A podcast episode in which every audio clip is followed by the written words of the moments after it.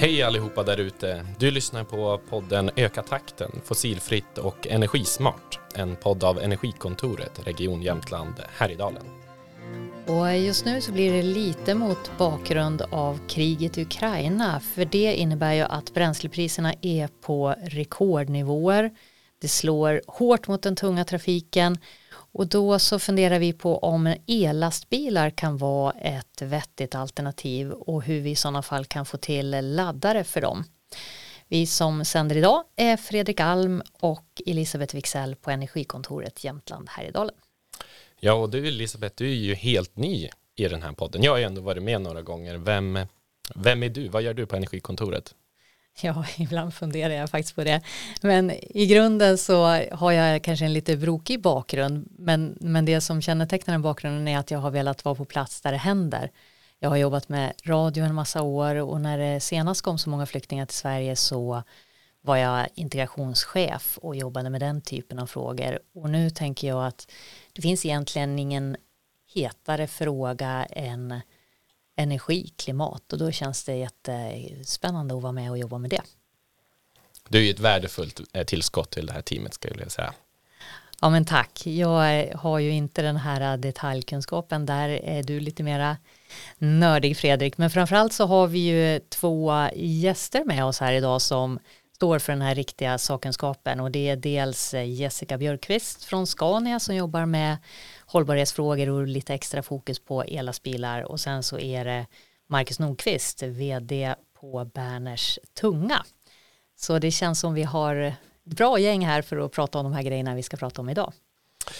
Um, om vi börjar, vi hoppar rakt in i det här. Är egentligen ellastbilar på väg att få sitt genombrott nu? Vad, vad säger du Marcus? Ja, jättebra fråga tycker jag. Eh, jag tror ju det personligen. Eh, mm. Jag tror att alternativa bränslen till det fossila, det kommer att, vara det som gäller framöver. Där eh, den elektrifierade drivlinan så att säga, den, den kommer att vara en av flera lösningar. Men den kommer att vara en viktig del framöver. Jessica, är det inte så att ellastbilarna fortfarande är svindyra?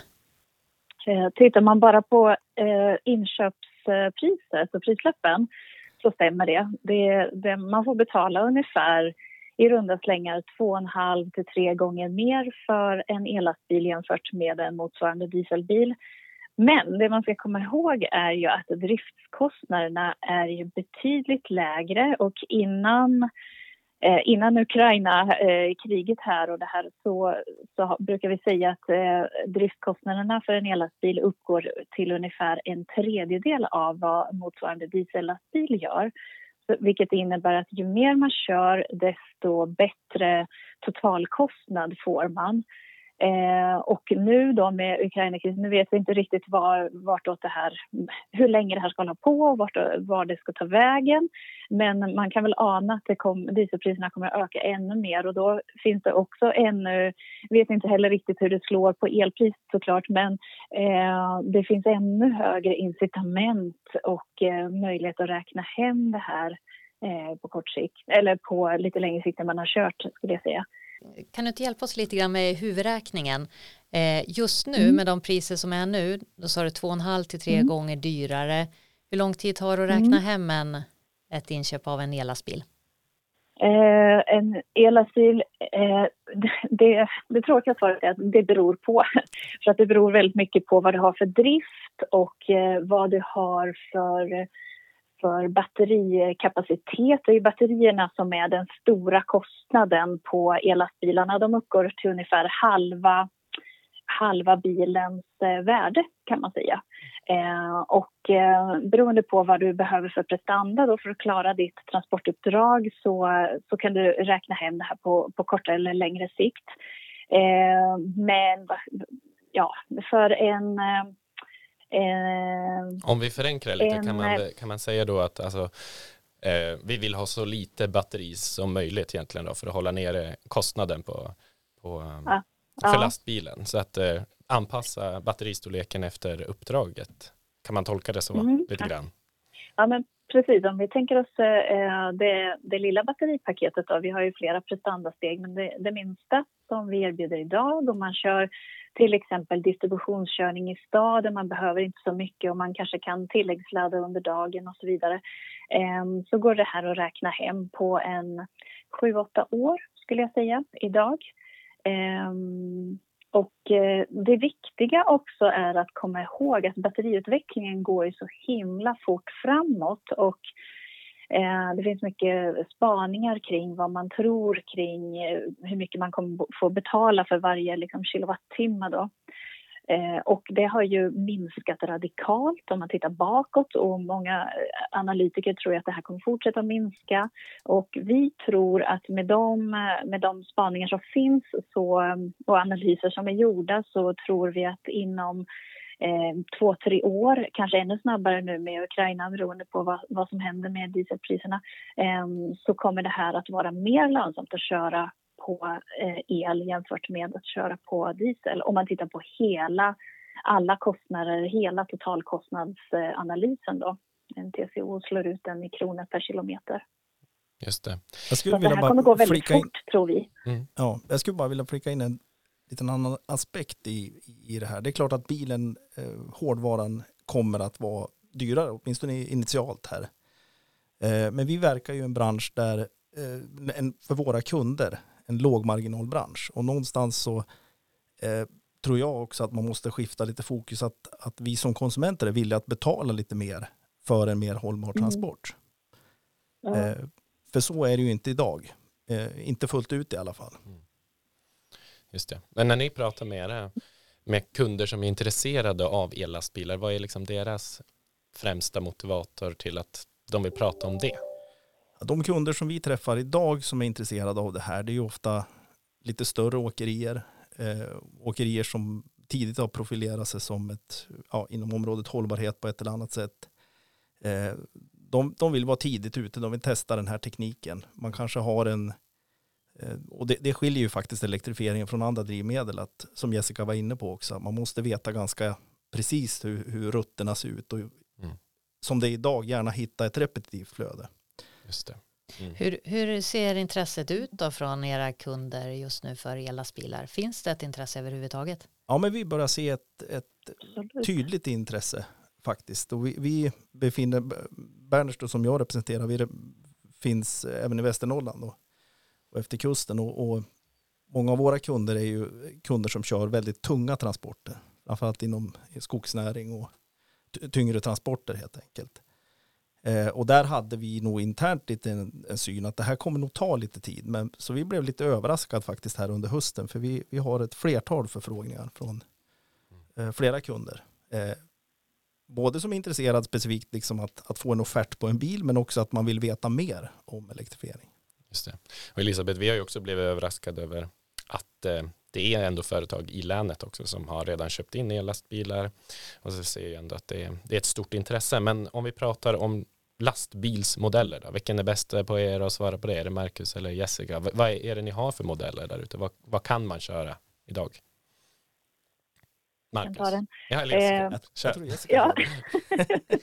ja, vi kan hjälpas åt tror jag. Men, men det, som, det som vi har kommit med nu, vi har haft i serieproduktion nu ungefär ett och ett halvt år, det är ju framförallt eh, urbana och lite regionala lösningar. Eh, och framförallt så är det upp till, eh, ja, säga, upp till 29 tons eh, eh, fordonsvikt. Då. Men eh, det, vi har även eh, andra lite tyngre transporter som vi sätter ut och testar tillsammans med kunder för att lära om nya typer av applikationer och nya typer av eh, kundkrav som är viktiga att ta med oss på den här resan. Och, eh, vad är de här nya applikationerna eller kraven som ni, ni ser? Från ja, kunder? Det som Marcus var in, inne på där, att eh, det inte bara de här stadsnära transporterna där det är intressant med elektrifiering utan många större åkerier som kör tungt som också är intresserade. Och igår kom vi till exempel ut med en pressrelease, en, en tung aktör i, i norr som eh, ska köra Eh, 74 tons eh, vikter med eh, ellastbil och vi har andra exempel i andra delar av Sverige som där kunder går in och aktivt vill prova den här nya tekniken för att utvärdera och för att lära.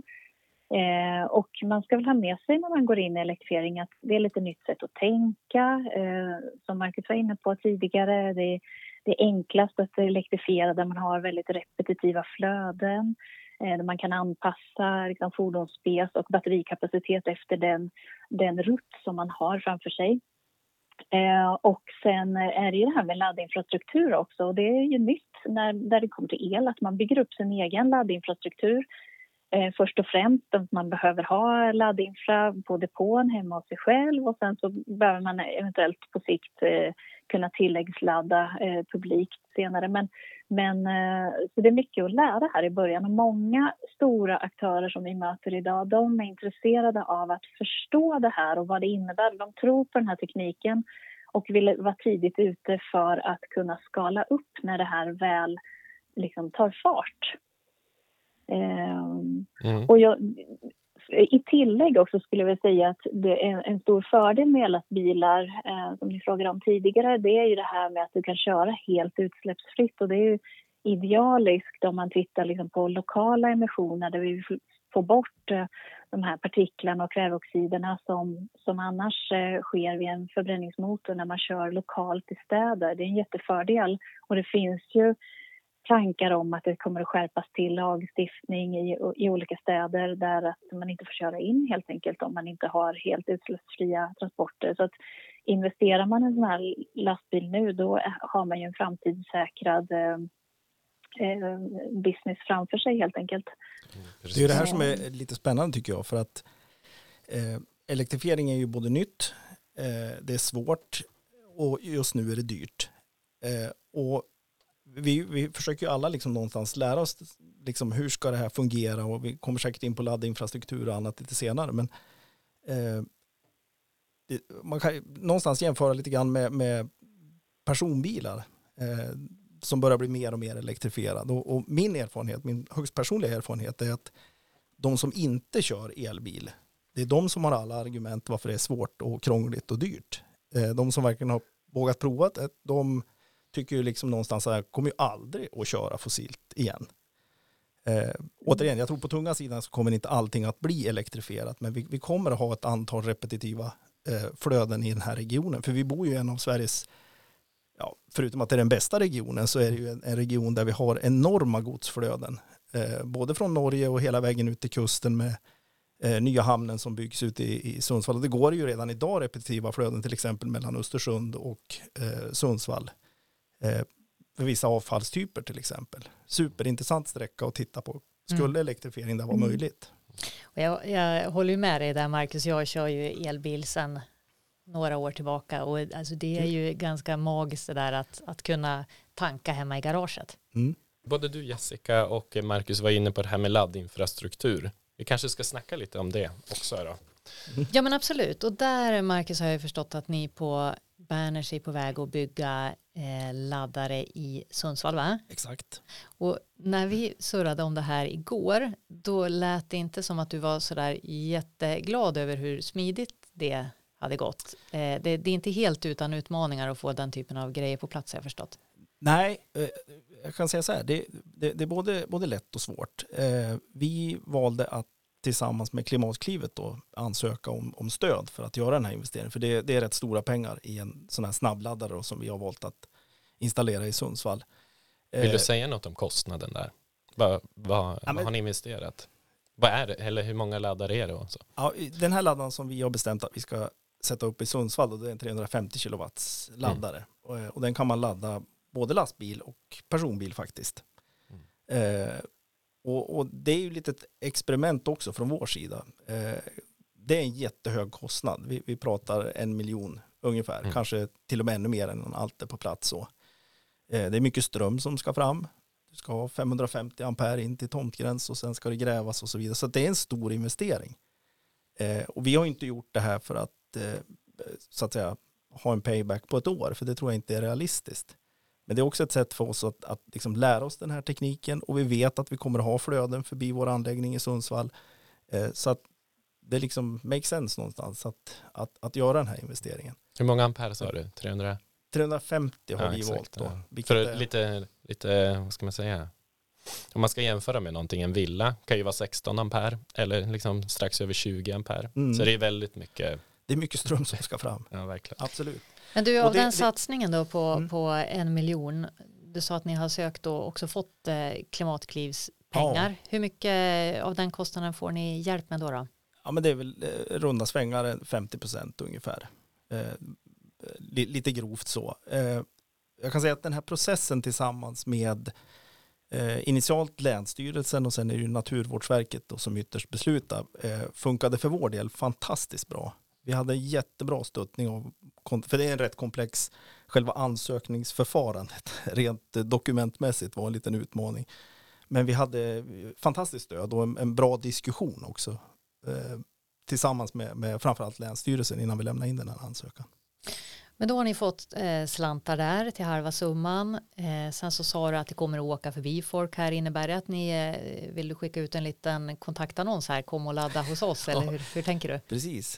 Ja, när, när laddan är på plats då blir det en eh, jättekontaktannons. Absolut. Eh, vi är ju inte där än och det är väl det som är vår utmaning just nu och för alla oss som sätter upp de här laddstolparna. Även den här branschen är ju drabbad av halvledarbrist till exempel och leveransproblem. Eh, så jag kan faktiskt inte säga ett exakt datum när vi är klar. Vår ambition är att vi ska ha den på plats innan året är slut. Eh, så det är vad vi hoppas på. Men högst osäkert då. Kan man säga då liksom att om man funderar på det här med, med, med en eldriven lastbil och vill ha laddning hemma så vänta inte. Alltså initiera en, en process för att liksom fixa laddningen. Om det tar, det kan ju ta ett år eller ett och ett halvt, man vet ju inte riktigt. Ja, alltså det, det vi tror jag att, att en, en, en, stor del av laddningen för, för den tunga trafiken och för, för åkerierna, de kommer ju ha egna laddlösningar på sina mm. depåer. Och, och, men de kommer ju också behöva laddning ute efter väg. Eh, och jag tycker det, eh, framförallt skulle jag vilja säga här i Jämtland så har det varit ett fantastiskt samarbete både med regionen och näringslivet, åkerier, transportköpare eh, för att diskutera just den här frågan. Men vart ska vi placera ut de här laddarna? Mm. Mm. För Berners är ett litet företag. Vi, vi, kan inte stå för en stor del av infrastrukturuppbyggnaden i regionen, utan här måste vi nog hjälpas åt, ja, alla aktörer så att säga. När vi ändå håller på här och pratar lite pengar, eh, Jessica sa ju det här två och en halv till tre gånger eh, dyrare att köpa ellastbil. Fredrik, du har ju lite koll på pengarna och möjligheterna till stöd där. Eh, går, det, går det att få stöd även för att, att köpa en sån här lite dyrare ellastbil? Ja, absolut. Vi har ju någonting som heter klimatpremien. Eh, det är ju ett stöd som administreras av Energimyndigheten. Och där kan man ju få eh, 20, 20% av inköpskostnaden eller 40 procent av merkostnaden. Då. Det beror ju på vad som, vad som är ja, vart prislappen ligger där. Eh, så det finns, men det finns ju också möjlighet att söka via Klimatklivet. Men skulle vi rekommendera klimatpremien att den, den kan nog vara lite, lite enklare att få stöd och hjälp för. Och de som sitter och kanske blir sugna nu och så hör de Marcus säga det var jättesvettigt och svårt och kan, kan man ringa till dig eller hur, hur gör man om man vill få lite guidning här? Ja, absolut.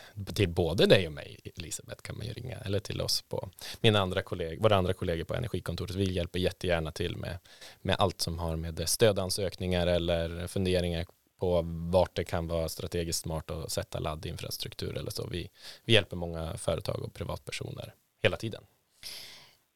När det gäller en, en sån här laddare som inte är publik även om du är på väg med en kontaktannons då Marcus mm. eh, så, så, finns det ju ännu mera pengar att få om man bygger en helt publik laddare. Vill, vill du säga något om det Fredrik? Ja, nej men precis. Det, regeringen har ju aviserat ett eh, nytt form av stöd som också ska administreras av Energimyndigheten som kallas för elektrifieringspiloter. Och där eh, i, bara i år finns det 550 miljoner. Jag tror att det är 3 miljarder över en Eh, flera, flera år.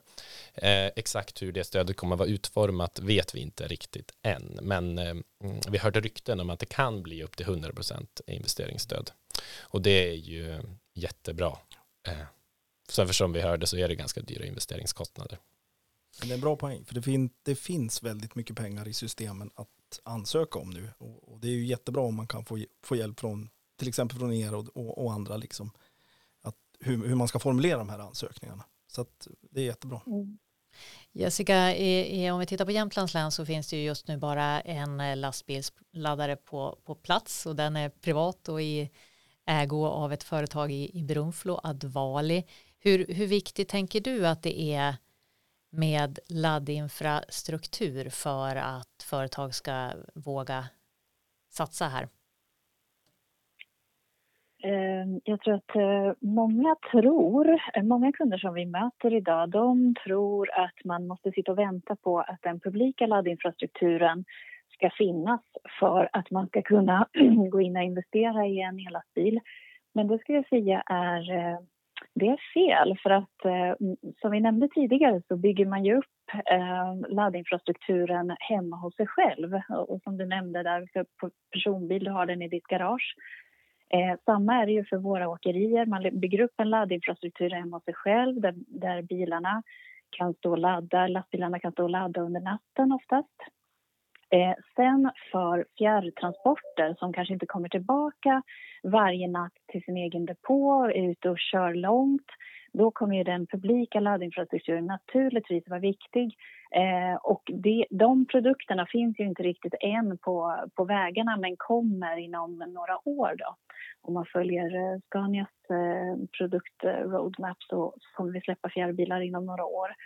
Och eh, såklart så kommer den publika laddinfrastrukturen vara helt viktig. Men, men för aktörer som kör som sagt urbant eller regionalt idag eller som har väldigt repetitiva flöden som vi är inne på, kanske från industri till industri till exempel.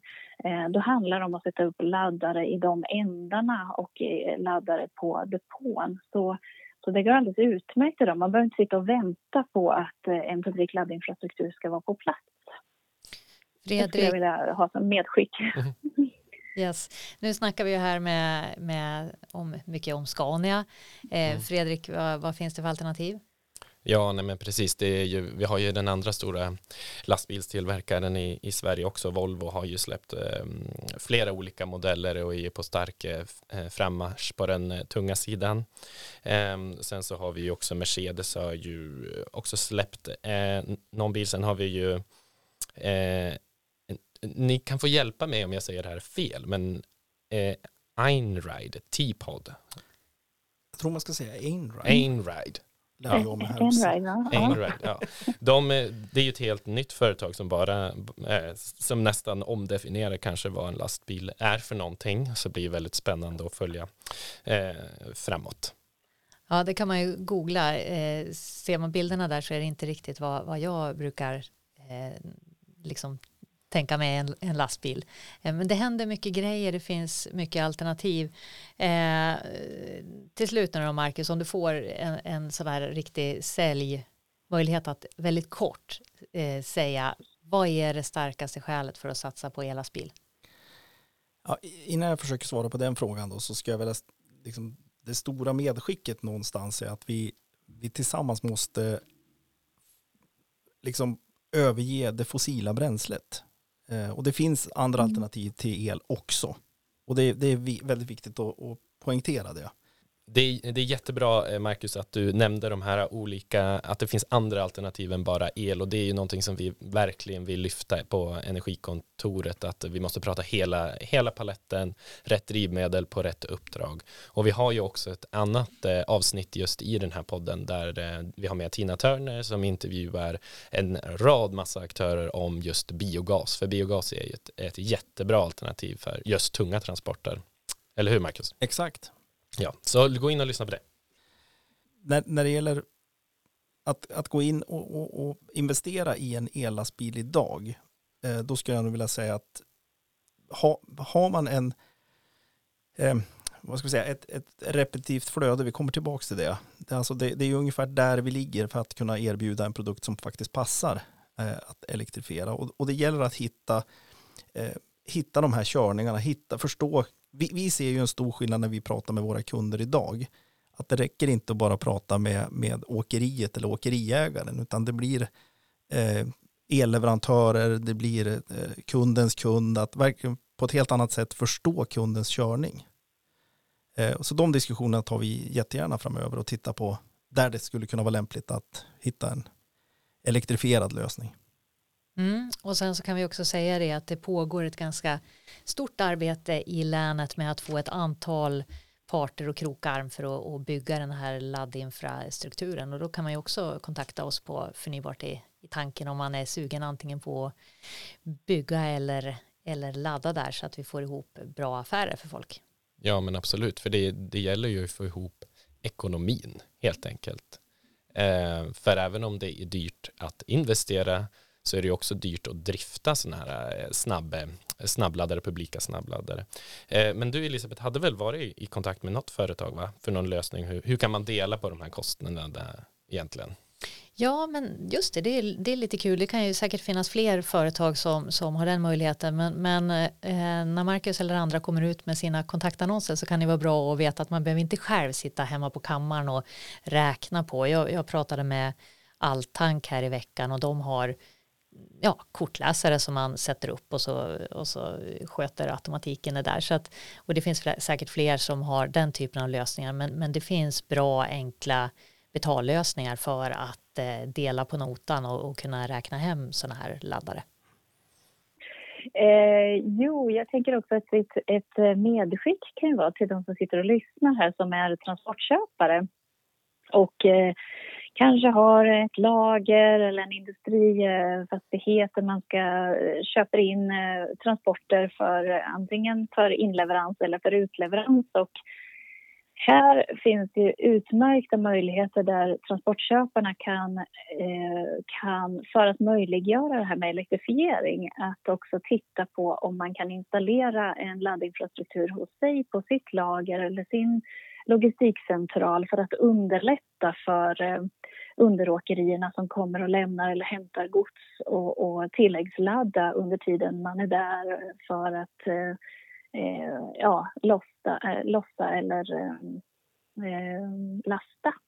Eh, så det här är ett utmärkt sätt att eh, eh, samarbeta i den här branschen för att öka elektrifieringstakten.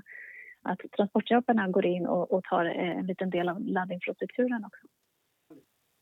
En grej som, som jag klurar lite på det är ju det här att i Jämtlands län och även i Västernorrland är det ju rätt bra med, med vanliga billaddare. Eh, funkar det att ladda lastbilar på en sån, Fredrik? Ja, eh, det korta svaret är ju eh, ja, det kan man. Det är ju samma typ av liksom uttag för snabbladdning. Sen så det du Marcus pratade om förut, det var ju effekten. Vad sa ni att ni hade på er snabbladdare? 350 350. Mm. Många som är byggd i eh, länet är ju på 50 kilowatt. Så det handlar ju mycket om liksom effekt och hur länge en lastbil egentligen är villig att stå att ladda. För man vill ju, man vill ju köra för att få liksom ekonomi på, sin, på sina rutter och sina liksom transportuppdrag. Så man kan ju inte stå hur länge som helst. Så det är viktigt med höga effekter. Exakt. Ja. Precis så. Och det, det är ju dessutom så att eh, yrkestrafiken, de, det är en sak om det som händer till exempel under sportlovsveckan när det blir kö på en laddstation. Eh, den tunga trafiken eller yrkestrafiken, de har ju inte riktigt den möjligheten. Utan där måste det vara planerat på ett lite annorlunda sätt. Sen kan det säkert funka som något nödalternativ så. Eh, och en annan jättestor utmaning eh, som för, för, alla som bygger nu laddinfrastruktur det är ju att det finns tillräckligt med ström framdragen till den punkt där man vill vara. Mm. Mm. Ström på specifika platser är ju börjar ju bli en bristvara. Ja, och sen är det ju också själva, mm, eh, det måste ju finnas tillräckligt mycket plats. Lastbilar är ju Exakt. väldigt mycket större än en personbil. Har du något att tillägga där Jessica, kring liksom kring laddinfrastruktur. Nej, det enda skulle vilja tillägga att det är samma liksom gränssnitt, eh, CCS Eh, typ 2 kombo som man brukar prata om och DC-laddning och så vidare. Det som gäller för våra lastbilar är att man ska vara lite uppmärksam bara på att det är en speciell eh, spänningen behöver vara eh, lite högre på de här och det finns en märkning som kallas för L-märkning. Det finns lite olika bokstäver K och L och så vidare och för, våra, för att våra lastbilar ska funka med laddarna så, så är det L-märkning som gäller. Då. Det kan vara värt att, att tänka till om man söker efter just eh, laddare som kan funka även för eh, lastbilar idag. Då. Ja, just det, ännu mer att, att tänka på helt enkelt för de som ska köra lastbilar. Och kanske hitta någon sån där eh, akutladdning någonstans så måste det också vara L-märkt. Det är bra, det var en bra inspel. Ehm, jag tycker att vi ska runda av här och tacka våra gäster så otroligt mycket för att ni var med och delade med er av den Eh, kunskap som ni eh, har. Eh, så tack Marcus och eh, tack eh, Jessica. Vi ska också säga det att det här eh, projektet finansieras av EUs regionala utvecklingsfond, Region Jämtland, Härjedalen, eh, Länsstyrelsen i Västernorrland och Biofuel Region. Precis, och eh, i nästa avsnitt så kommer vi att eh, avöka takten. Då kommer vi att prata med eh, Skistar och deras arbete för en fossilfri upplevelse i fjällen. Så missa inte det, det tror jag blir ett jättespännande avsnitt. Och också tack till alla lyssnare där ute som fortsätter att lyssna på oss. Ni är verkligen tacksamma för det.